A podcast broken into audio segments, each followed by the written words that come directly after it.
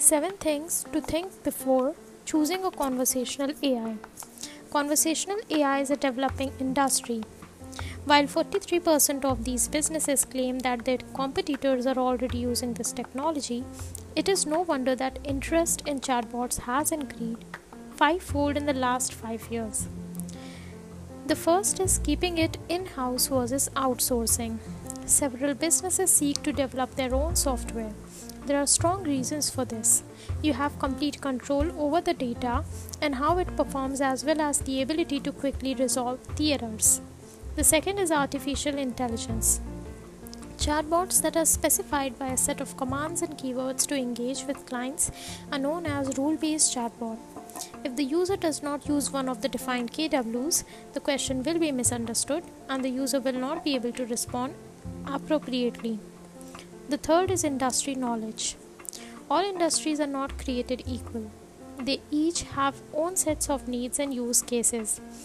A chatbot service with multiple clients, but not only one industry, may not be able to give the level of conversational intelligence required.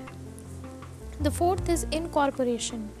Customers' delight and seamless integrations go hand in hand. They are each good for their own right and offer a pleasant consumer experience.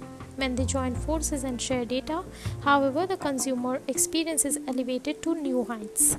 The fifth is provide an omni channel experience. You may communicate with clients on a variety of platforms, including your website, mobile app, social networking page, and instant messaging apps. These are, however, only several touch points that do not carry over context from other channels. The sixth is analytics and dashboard. A dump normally appears as a a.csv file containing those days, weeks, or months worth of chat logs.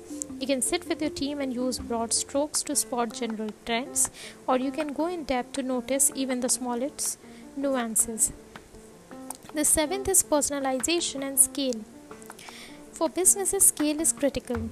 If you are a small early stage startup, you may receive fewer inquiries but lack the resources to respond to them. If you're a large company, you probably get hundreds of questions per day and don't have the resources to respond to them all without adding more agents to the system. While size is critical to ensure that the customer experience is not harmed, personalization and customer engagement is equally critical. Thank you.